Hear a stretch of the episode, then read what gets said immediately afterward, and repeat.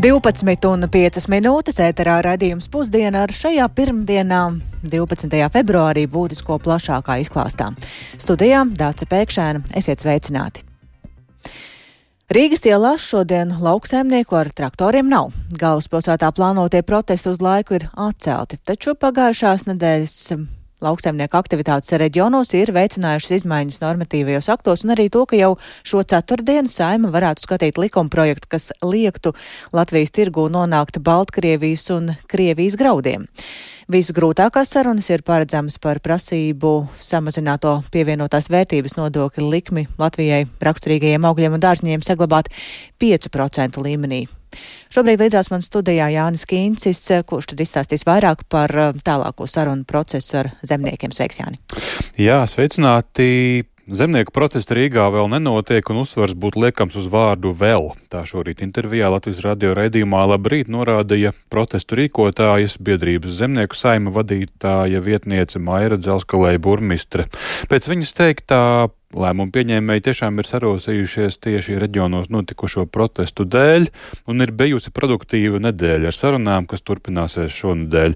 Tātad eh, vairāki normatīvie akti virzās valdības darba kārtībā, bet saima ceturtdien varētu lemt par Krievijas un Baltkrievijas izcelsmes lauksaimniecības produktu importa pārtraukšanu Latvijā. Un uh, viņa arī uzsver, ka uh, ministru darbu nav ko raustīt, un esošajiem nozaru ministriem ir jāļauj strādāt. Tālāk uzsvēra zemnieku saimnes pārstāve. Paklausīsimies viņas teikto. Mēs skatīsimies, vai tās tēmas, kas ir šobrīd uzsāktas, viņš turpināsies. Acīm redzot, ja, ja atkal ierēģi un politiķi iegrims tādā pašapmierinātībā un darba ļoti lēni atkal ies uz priekšu, droši vien mēs atgriezīsimies pie situācijas, kad uh, zemnieku neapmierinātība būs tik liela, ka uh, atkal tiks darbināti traktori. Mums ir uh, šobrīd jau gada laikā trīs ministri bijuši. Nu, mums ir vajadzīgs ļoti aktīvs darbs. Un, nu, acīm redzot, ar, izmantojot dažādas metodes, ministri ir jādina uz priekšu, lai viņi strādātu. Šonadēļ arī plānot sarunu ar zemkopības ministru Armāndu Krauzi no Zaļo Zemnieku savienības un vides aizsardzības un reģionālās attīstības ministru Ingu Bērzi no jaunās vienotības par iespējām Latvijai atteikties no nacionāla līmeņa zemes lietošanas apgrūtinājumiem. Nu, kā zināms, viena no skaļi paustajām prasībām bija par birokrātijas mazināšanu zemnieku darbu uzskaitē. Nu, vienlaikus, jā, sarežģītākas sarunas gaidāmas par samazinātās 5% pievienotās vērtības nodokļu likmes atjaunošanu augļiem, ogām un un Latvijai raksturīgiem augļiem, ogām un dārzeņiem. Lauksaimniekus pārstāvošās organizācijas ir apņēmušās pacīnīties par šo prasību uz nākamo gadu. Atgādināšu, ka 5% PVN likme Šiem produktiem bija spēkā līdz šim gadam. Sākotnēji valdība paredzēja no šā gada atjaunot pilnu 21% PVN likmi, taču pēc koalīcijas priekšlikuma saima šogad uz vienu gadu ir noteikusi 12% likmi augļiem, ogām un dārziņiem. Un kāda tā būs nākamgad, vēl nav zināms, taču šī saruna ir nozarei būtiska, jo tas iepriekšējos gados saimniecībām bijis liels atbalsts. Tā stāsta Latvijas augļkopju asociācijas vadītāja Māra Rudzāte. Viņa arī atsaucas uz kolēģi teikto par gan krītošām iepirkuma cenām lielveikalu ķēdēs, gan arī gala cenu ietekmi uz patērētāju izvēli. Mums jau te viss tagad ir pacēlies, gan, teiksim, minerāli mēsli, gan viss darba spēks, gan viss pārējais. Ja mēs to visu varētu, teiksim, normāli pārdot, tad nav vienalga, cik tas PVN ir. Kā saka, tomēr jau cilvēks skatās, un tieši tā ļoti lielā masa, kad jūs ieiet kaut vai, nu, tur veikalos, paskatāties, kā cilvēki izvēlās, e, tad, nu, viņi ļoti skatās to produkciju, kur ir lētāka un tā, un tomēr viņa būtu drusciņi lētāka. Nu jā, un sarunā Finanšu ministrijā par šo samazinātā nodokļa ietekmi uz valsts budžeta aprēķinos bijušas zināmas atšķirības, un tās noteikti arī tiks pārskatītas tā asociācijas vadītāja. Jā, vai ir zināms, kāds būs turpinājums šai sarunai par pievienotās vērtības nodokļa pazemināto mm. likmi augļiem un dārziņiem? Jā.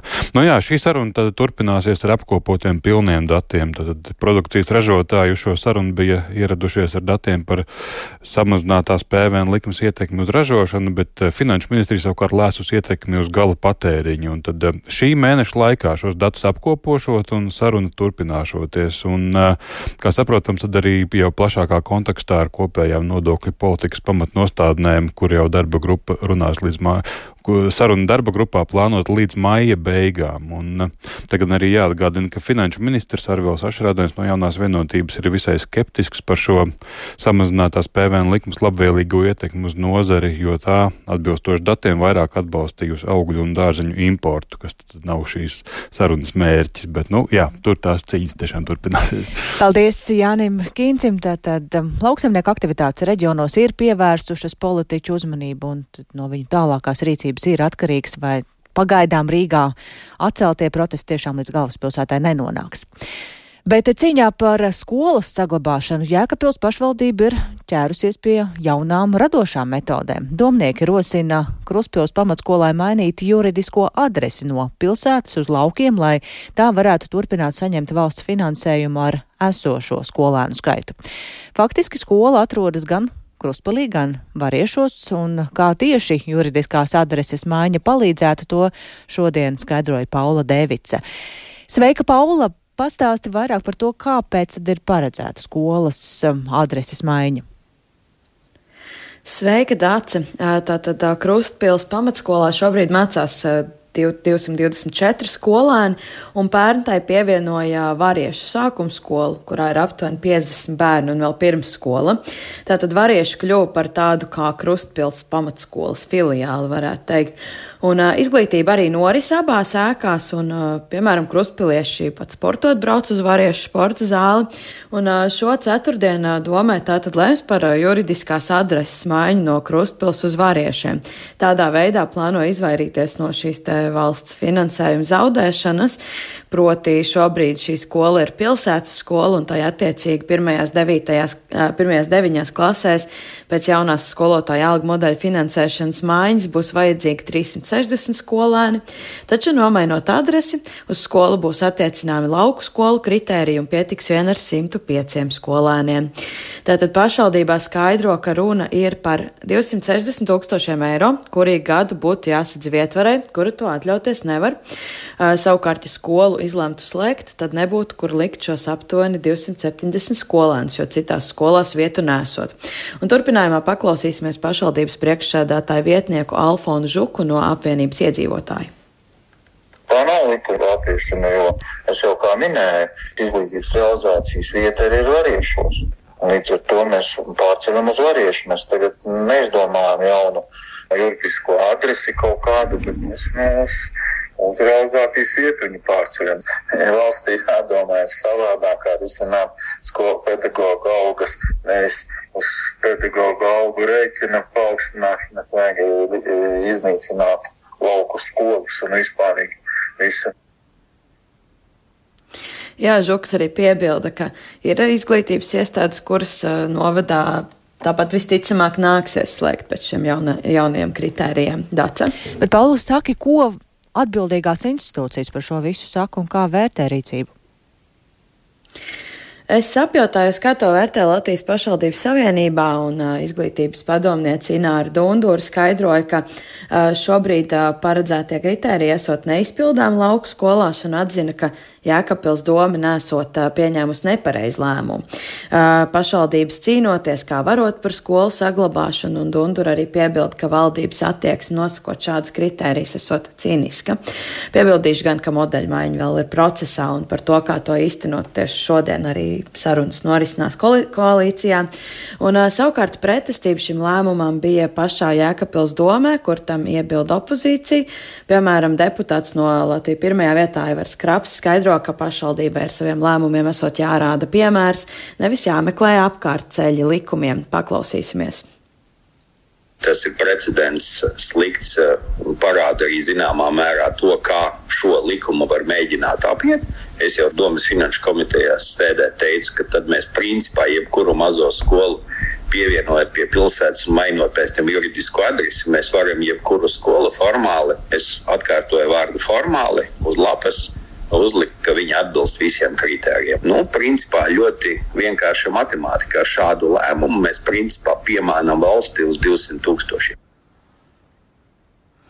Jā, tātad šis lēmums ir jau atbalstīts Finanšu komitejā, bet šo ceturtdienu to skatīs Jēkabils domas sēdē, kur paredzam to arī atbalstīs. Un vēl piebildīšu, ka par šo gadījumu izglītības un zinātnes ministrijai arī ir zināms. Tur, tur apstiprina, ka pašlaik tas tiešām ir precedents, un lai gan šādu skolu kur izglītības process faktiski notiek vairākās vietās, protams, ir vairāk. Tomēr plašāk par ministrijas nostājas pastāstīšu jau ziņu raidījumā pēcpusdienu. Paldies, Paulai Devicē. Tiešām interesants būs ministrijas viedoklis. Tāda, lūk, neierasta situācija Jēkabpilī. Bet divu līmeņu zvanu apstrāde un resursu vadība ietaupīts laiks un ātrāka operatīvo dienestu palīdzība. Ar tādu saukli valsts ugunsdzēsības un glābšanas dienests nāk klajā ar izmaiņām ārkārtas palīdzības izsaukuma numurā 112 un arī ar jaunumiem - mājaslapu un lietotni, kur iedzīvotājiem būs pieejama visu operatīvo dienestu informācija vienu vietu. Plašāk par šīm izmaiņām un arī jaunumiem gatavs stāstīt kolēģi Agnija Lazdeņa. Sveika, Agnija Saki! Kādas tad izmaiņas ir uh, paredzētas, ja mēs runājam par 112? Uh, labdien! Nu, jāatzīst, ka vienotais ārkārtas palīdzības izsaukuma numurs 112 Latvijā darbojas jau 27 gadus, un ikdienu šo numuru tiek zvanīts par dažādiem negadījumiem, cilvēkiem un dzīvniekiem, kas nokļuvuši nelēmē un dzīvībām bīstamām situācijām. Un, uh, mainoties laikam, ir attīstījusies ārkārtas zvanu pieņemšana un apstrāde, tāpēc ir veiktas būtiskas izmaiņas, lai modernizētu 112 zvanu apstrādi, resursu izsūtīšanu un informācijas apmaiņu operatīvo dienestu starpā. Un tās lielākās izmaiņas vai tā galvenā atšķirība no tā, kā bija iepriekš, ir tāda, ka zvanus sadalīs divos līmeņos. Un tas pirmais e, būs tā, ka vienoti tiks saņemti zvani, un tad tos apstrādās, atlasīs un nodos tālāk operatīvajiem dienestiem konkrētu, konkrētu šos ārkārtas ziņojumus. Un otrs līmenis ir tas, ka, ja iepriekš informāciju par nelaimes gadījumiem nodeva telefoniski, tad tagad tas tiek sagatavots elektroniski un valsts policija un valsts ugunsdzēsības un glābšanas dienests vienlaikus abiem diviem dienestiem nodota elektroniska karte tiks. Un par to, kādi ir tie iegumi, iegumi sabiedrībai no šīm izmaiņām, paklausīsimies valsts ugunsdzēsības un glābšanas dienesta priekšnieka Mārtiņa Baltmaņa teikto. Mēs vairs nepāradresējam valsts policijas zvanus. Mēs uzreiz apstrādājam šos zvanu un uh, uzdodam visus jautājumus uh, par šo notikumu. Un tad, uh, respektīvi, valsts policija jau saņem gatavu informāciju. Iepriekš mēs tātad šos zvanus pārdresējām. Un tad jau varbūt sanāk tā, ka iedzīvotāji no sākumā mazliet sāka stāstīt par to notikumu, lai mēs saprastu, ka tas ir piekritīgs valsts policijai. Un tad atkal viņam vajadzēja valsts policijai par to stāstīt darīt, bet šobrīd mēs uzreiz, ja, ja tas ir valsts policijas, mēs sākam uzreiz aizpildīt šo vienotu elektronisko kartiņu. Tas nozīmē, ka ir kaut kādas sekundes, ko mēs iekonomējam uz, uz šo informācijas iegūšanu kā tādu. Bet eh, tas nav viss. Ir radīta arī jauna lietotne mobilajiem telefoniem, kuras nosaukums ir 112 Latvija, kur var ne tikai sazvanīt 112, bet arī nosūtīt īziņu, kas ieteicama cilvēkiem ar runas vai dzirdes problēmām, lai tad eh, viņiem būtu vieglāk sazināties ar eh, dienestu. Un tāpat var saņemt arī vairākus brīdinājumus šajā lietotnē, piemēram, no Latvijas vidas geoloģijas un meteoroloģijas centra, to, to starp arī dažādus drošības padomus. Un vairāk par lietotni paklausīsimies valsts valsts policijas priekšnieka Armanda Rūka teiktajā. Iegūms viennozīmīgi ir sabiedrībai.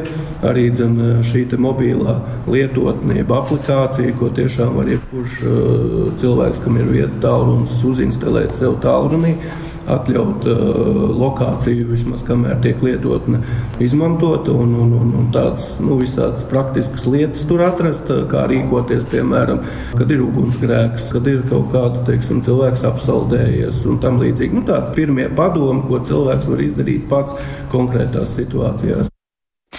Paredzēts, ka šī lietotne uzlabos iespēju noteikt cilvēku koordinātājus vēl precīzāk, kur šie iedzīvotāji atrodas, kas sazinās ar dienestiem, un Pap, šī lietotne ir sasaistīta arī ar jauno mājaslapu 112.lv, kur vienu vietu ir aktuālā informācija, to starp drošības padomu par visiem operatīvajiem dienestiem. Un šīs sistēmas izveida ir uzsākta 2018. gadā un ilgusi līdz pat pērnā gada beigām. Un par, sistēma ir rūpīgi izstrādāta, tiek gan teikts, ka tur vēl būs paredzēti dažādi uzlabojumi un skatīsies, kā laika gaitā vai ir kādas tehniskās problēmas vai jebkādā veidā var šo sistēmu uzlabot un papildināt, bet kā atzīst visi pārstāvi dienestu, tad šī divpusējā komunikācija ir iegūms visiem, jo iedzīvotāji var nodot informāciju un paši arī saņemt informāciju atpakaļ.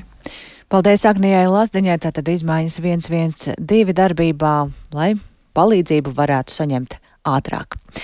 Bet mūsu ziemeļu kaimiņos Somijā būs jauns prezidents. Vakar notikušās vēlēšanās eh, ir noslēgušās ar ekspremjera Aleksandra Stobu uzvaru, un viņš pārspējis bijušo ārlietu ministru Pēku Hāvisto.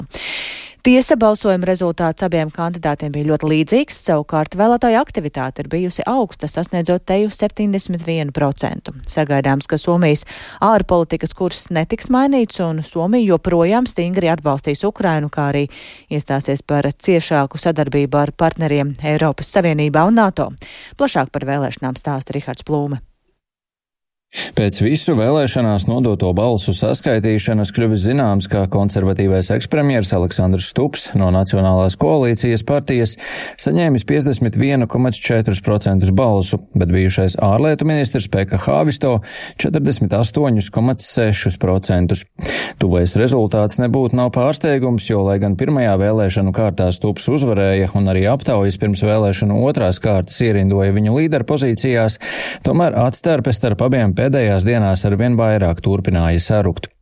Abi kandidāti pirms vēlēšanām norunājuši, lai kurš uzvarētu, uzvarētājs pēc vēlēšanu rezultātu uzzināšanas apciemos otru kandidātu, un šis solījums arī tika turēts. Stubam ierodoties vietā, kur rezultātus sagaidīja Pekka Hāvisto un viņa komanda. Ja Aleksandrs, saat tästä mikrofoneen. Drīz es jums nodošu mikrofonu, Aleksandr, bet vispirms vēlos pateikties visai jūsu kampaņas komandai. Šī ir bijusi godīga kampaņa. Somijas demokrātija balstās uz to, ka mums ir brīvprātīgie, kas īsteno labas kampaņas. Nosūtām sirsnīgus sveicienus Aleksa komandai viņa kampaņas galvenās ballītes norises vietā.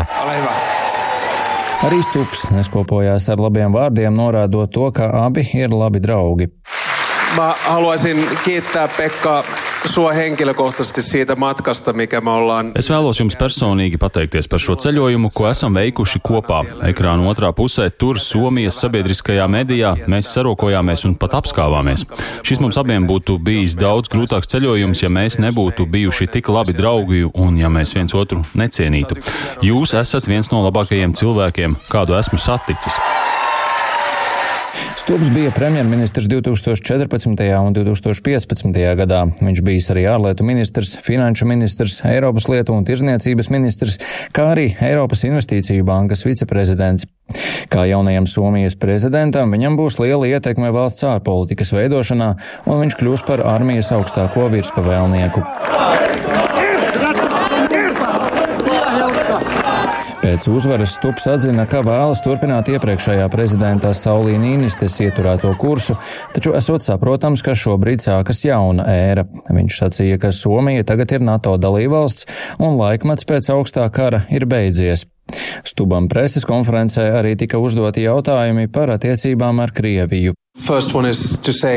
Pirmkārt, jāsaka, ka manuprāt ir diezgan pašsaprotami, ka ir grūti veidot jebkādu veidu politisko dialogu ar Putinu, kamēr Krievija veic agresīvu karu pret Ukrainu. Tātad tuvākajā laikā es neredzu nekādu komunikāciju ar Putinu vai Krievijas politisko vadību. Protams, mēs visi vēlamies atrast ceļu uz mieru, bet man šķiet, ka šobrīd šis ceļš ir tikai caur kaujas lauku, un tas, uz ko mums jākoncentrējas, ir atbalsts Ukrainai. Dodiet viņiem naudu, munīciju, ieročus un ceļu uz dalību Eiropas Savienībā un NATO.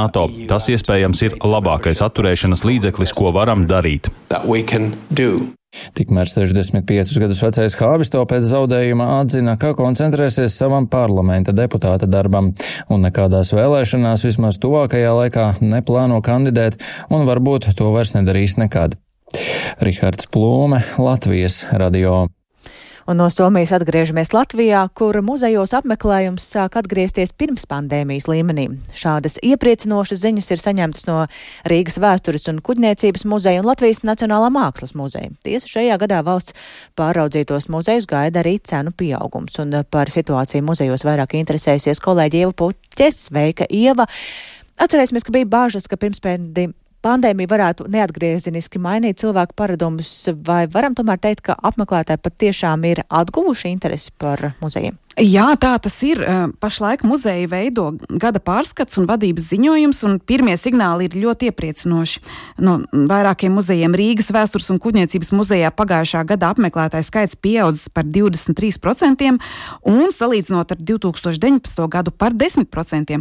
Tas nozīmē, ka muzejs ir ne tikai atgriezies atgriezies pirms pandēmijas līmenī, bet to pat pārsniedzis. Uh, šim muzejam bez galvenās ēkas pie Doma baznīcas ir arī filiāls tepat galvaspilsētā, Mencendorfa nams un Latvijas fotografijas muzejs, un arī citu vietu Ainas jūras skolas muzejs. Paklausieties, ko saka muzeja direktora Liena Johansone Kuzmina. Tas ir iespējams tādēļ, ka mūsu muzejs pagājušajā gadā svinēja 250 gadu jubileju un bija daudz dažādu pasākumu visdažādākajām apmeklētāju grupām, tā skaitā arī daudz strādājam ar medijiem. Un tāpat arī apmeklētāju skaits ir pieaudzis visās uh, muzeja filiālēs. Latvijas fotografijas muzejā varbūt mazāk salīdzinājumā ar citiem, tomēr gan Mencendorfa namā, gan Ainažos šis te pieaugums ir diezgan uh, liels, arī tuvojas 10%.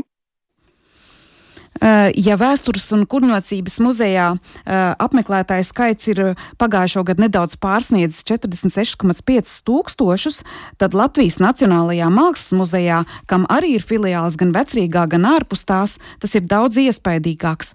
Eh, kopumā vairāk nekā 440 tūkstoši apmeklētāju, un tikai muzeja galvenajā ēkā pagājušo gadu piefiksēti vairāk nekā 269 tūkstoši apmeklējumu. Lieliskie Šie skaitļi pamatā ir uz galvenās ēkas rēķina, un ļoti veiksmīga ir izstāde par Jāzepu Grosvaldu, kas joprojām turpinās. Bet citās filiālēs izstāžu zālē Arsenāls, Mākslas muzejā Rīgas birža, Dekoratīvās mākslas un dizaina muzejā, Romāna Sutas un Aleksandrs Beļcovs muzejā skaitļi nesot tik priekšsīmīgi. Un pēc muzeja direktors Māras Lācis teiktā, nozarē kopumā ir signāli, kas neļauj apgalvot, ka muzeja ziedu laiki atgriežas. Eh, klausieties Māru Lāci. Mums ir ļoti dažāda tā aina. Ja mēs runājam par Latvijas Nacionālā mākslas muzeja galveno ēku, tad šeit es droši varu teikt tiešām to, ka apmeklējums ir pagājušajā gadā bijis ļoti labs, un šobrīd mēs redzam, ka šī tendence turpinās. Un um, es, es varētu teikt to, ka galvenajā ēkā apmeklējums ir, ir nostabilizējies un šobrīd izskatās optimāls. Man tā šķiet, ka šobrīd uz kaut kādu brīdi mēs esam pavisam noteikti sasnieguši savu jau vienu no tādiem atkal augstākajiem punktiem, kas pie mums Latvijā vispār ir iespējams. Jo mums vispār ir jārēķinās, protams, ar mūsu cilvēku skaitu, un ar turistu skaitu. Ja, un, kā mēs zinām, turisms gan Latvijā nav atdzīvojies vēl. Jā, jāņem vērā ir arī kara sekas. Acīm redzot, turismā ir kaut kādi signāli, un cilvēki nebrauc šādu iemeslu dēļ. Iespējams, arī augstās cenas, inflācija, kas arī bremzē turismu. Māra Lāca stāstīja, ka viņa pagājušo ceturtdienu apmeklēja tāpat kā arī Ilze Joha, Liena Johansone Kuzmina uh, direktoru sanāksmi, kurā muzeja direktori mm, stāstīja, kāda ir situācija arī reģionos, un situācija nesot iepriecinoša ne Turaidas muzeja rezervātā, ne Rundāls pilī, kas ļoti ir atkarīgas no turismu, uh, turistu skaita. Turklāt pieaug arī izmaksas, uh, un jau šogad vairākos muzejos uh, apstiprināti jauni cenrāži, arī abos muzejos, ar kuriem man izdevās šodien vairāk parunāt. Paldies! Vairāk par muzejiem runāsim arī raidījumā pēcpusdiena, kur dzirdēsim arī, ko par to saka iedzīvotāji Rīgas ielās, bet eh, šobrīd raidījums pusdiena izskan to producēja Ilze Agīnta, ierakstus montēja Uldis Grīnbergs par labskaņu rūpējās Rita Karneča un ar jums sarunājās Dāca Pēkšēna. Vēl īsi par šodien būtisko cīņā par skolas saglabāšanu Jēkabpils pašvaldība jautājumu risina radoši, rosinot Kruspils pamatskolai mainīt juridisko adresi no pilsētas uz laukiem, lai varētu turpināt saņemt valsts finansējumu ar esošo skolēnu skaitu. Un ātrās palīdzības izsaukuma numuru 112 darbībā ievieš izmaiņas, lai varētu nodrošināt ātrāku palīdzības saņemšanu. Radījums pusdiena meklējams arī sev ērtā laikā atverot Latvijas radio mobilo lietotni, ierakstot dienas ziņas, bet ēterā mēs tiekamies nedaudz vēlāk šodien raidījumā pēcpusdienā. Yeah.